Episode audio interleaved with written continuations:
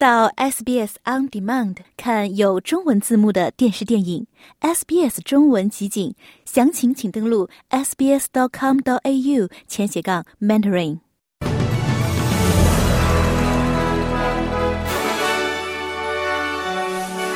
三名澳洲人或在以色列空袭中丧生，东海岸恶劣天气造成十人死亡，薪酬纠纷或致最大港口运营商航运中断，霍巴特帆船赛两名领衔者角逐激烈。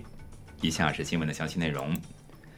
黎巴嫩国家通讯社报道称，来自澳大利亚的两兄弟和其中一位的妻子，据信在以色列对黎巴嫩南部的空袭中丧生。伊布拉辛和阿里巴兹是悉尼东南部圣乔治地区的居民，他们连夜赶往黎巴嫩的宾特朱贝尔去接伊布拉辛的妻子肖鲁克哈姆德。哈姆德最近获得了澳大利亚签证，并计划返回悉尼与丈夫同住，以躲避以哈冲突扩大。关于造成三人死亡的导弹来自以色列的报道仍未得到证实。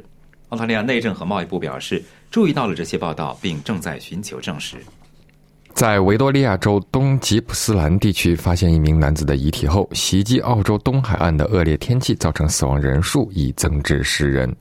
在昆士兰州，搜救人员在金皮附近找到了两名分别为四十六岁和四十岁的女子，并确认三名男子在莫顿湾翻船后死亡。一名五十九岁的女子也在圣诞节被倒下的树砸中身亡。而当局已经找到了一名在布里斯班洪水中失踪的九岁女孩的遗体。在维多利亚州，一名来自布尼普的四十四岁男子在圣诞节被掉落的树枝砸中身亡。警方在一个受洪水袭击的营地发现了一具尚未确认身份的遗体。昆士兰州警察局长卡特琳娜·卡罗尔呼吁人们在灾情持续的情况下听从当局的指示。So the events have certainly um taken a tragic turn in the southeast. 东南部地区的情况确实发生了悲惨的转变，所以请大家注意这些警告，听从当局的指示，远离那些危险的环境。在西南威尔士州南部海岸，搜救人员将继续搜寻一名在营救家人时被卷入大海的男子。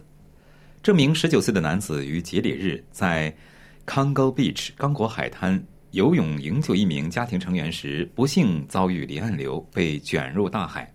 昨晚，救援人员暂停了第二天的搜寻工作。警方、西南威尔士海洋救援队和西太平洋救援直升机参与了搜寻工作，并将于今天继续搜寻。在澳大利亚准备迎接日益炎热的夏季之际，溺水死亡的事件也令人担忧。澳大利亚皇家救生协会称，自今年夏季开始以来。全国已经有二十一例溺水死亡记录，比去年同期多了三例。新南威尔士州冲浪救生协会首席执行官史蒂文·皮尔斯解释了节日期间溺水风险增加的原因。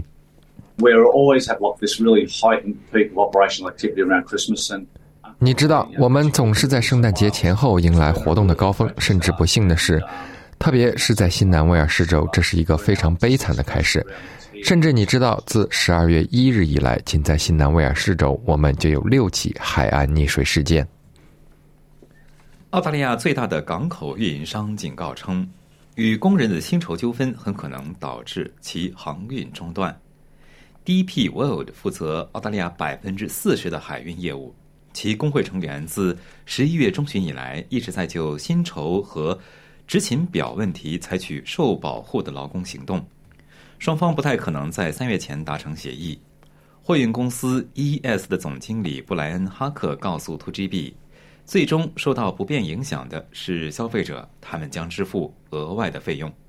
There's quite significant delays going on, and 我们的货运和贸易联盟是我们的行业机构之一。该联盟表示，劳工行动使澳大利亚全境的贸易损失每天超过两千万澳元，积压了大约四万五千个集装箱。一名在随机持刀袭击中受重伤的妇女的朋友的生命被夺走之后，缅怀这位两个孩子的母亲，称她是一个了不起的人。苏珊苏珊斯卡迪尼奥于本周二从阿德莱德皇家医院出院，距离十二月二十日两人在阿德莱德郊区普利姆普顿的工作场所被一名陌生人刺伤还不到一周时间。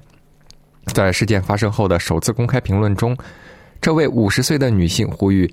社会各界团结在 C 的女士和她的女儿们周围，并谴责了她所称的袭击者，称其为懦夫。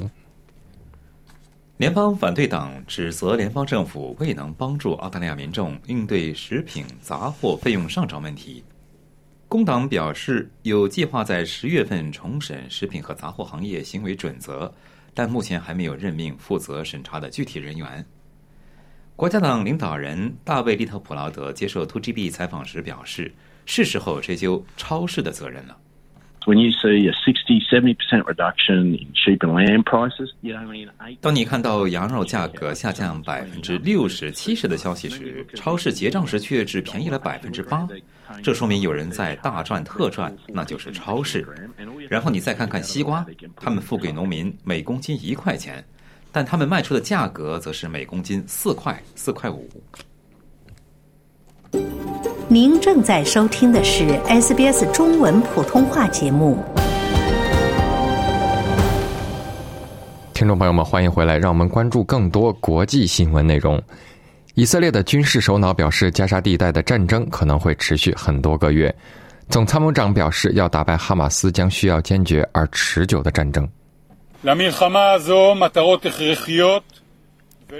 这场战争有必要的，但不容易实现的目标，它发生在复杂的地区，因此这场战争将持续很多个月。我们将采用不同的方法，始终长期的来保证我们的成功。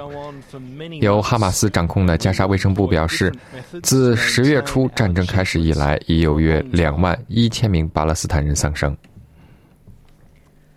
现名为叶，此前曾又名为 Kanye West 的说唱歌手。因长期发表反犹太言论而臭名昭著。不过，他在一篇用希伯来文写的 Instagram 帖子中向犹太社区道歉。该道歉不到两周前，他在拉他在拉斯维加斯推广他即将发布的专辑《Vultures》时发表了反犹太言论。在那次发言中，他影射了犹太人的影响力，并将自己与。耶稣基督与阿道夫·希特勒相提并论。也门胡塞武装声称对在红海成功导弹袭击一艘商船的事件负责。据胡塞武装发言人叶海亚·萨雷称，这艘商船属于地中海航运公司。该商船的船员三次拒绝接听胡塞武装海军的电话，并无视已在发出的警告信息，因此胡塞武装才发射了导弹。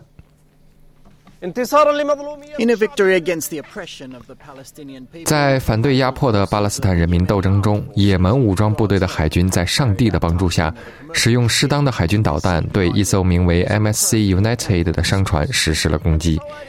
地中海航运公司当天说，该公司的一艘商船在红海遭到袭击，船上所有的船员均安然无恙，没有人的伤员报告。该公司说，目前正在对这艘船进行全面的评估。在尼日利亚，据一名当地官员称，上周末发生在该国高原州发生的一系列袭击事件导致的死亡人数已上升至一百一十三人。该地区因农民和牧民之间的冲突而受到关注。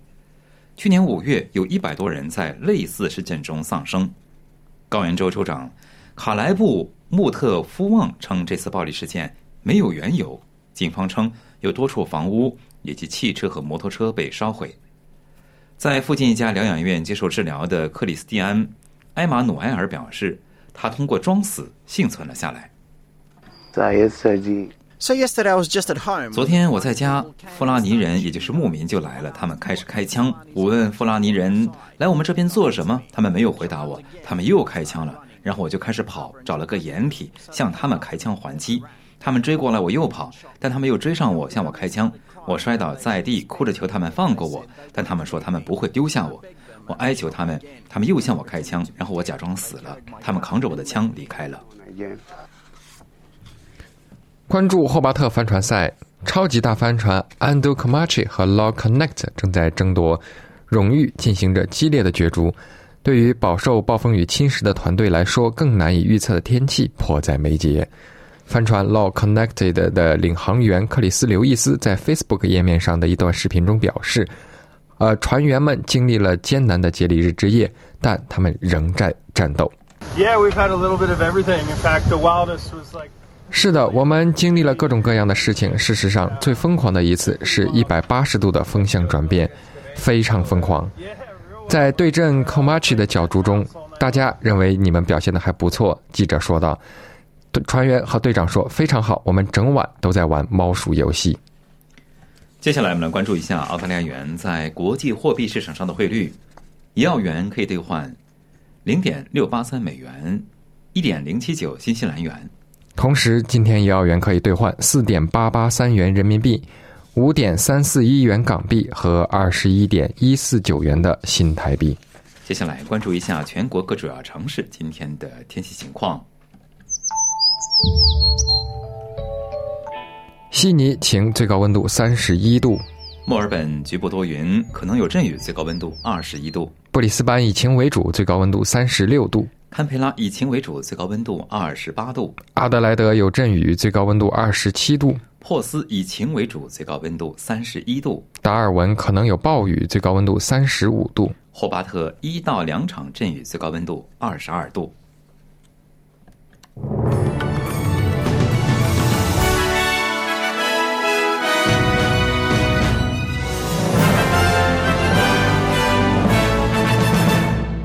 想在 SBS 当一回影评人吗？SBS On Demand 正在推送配有中文字幕的热门影视作品，您只需观看一部或以上影视作品，并把影评观后感发给我们，就有机会赢得一份 SBS 精美礼品。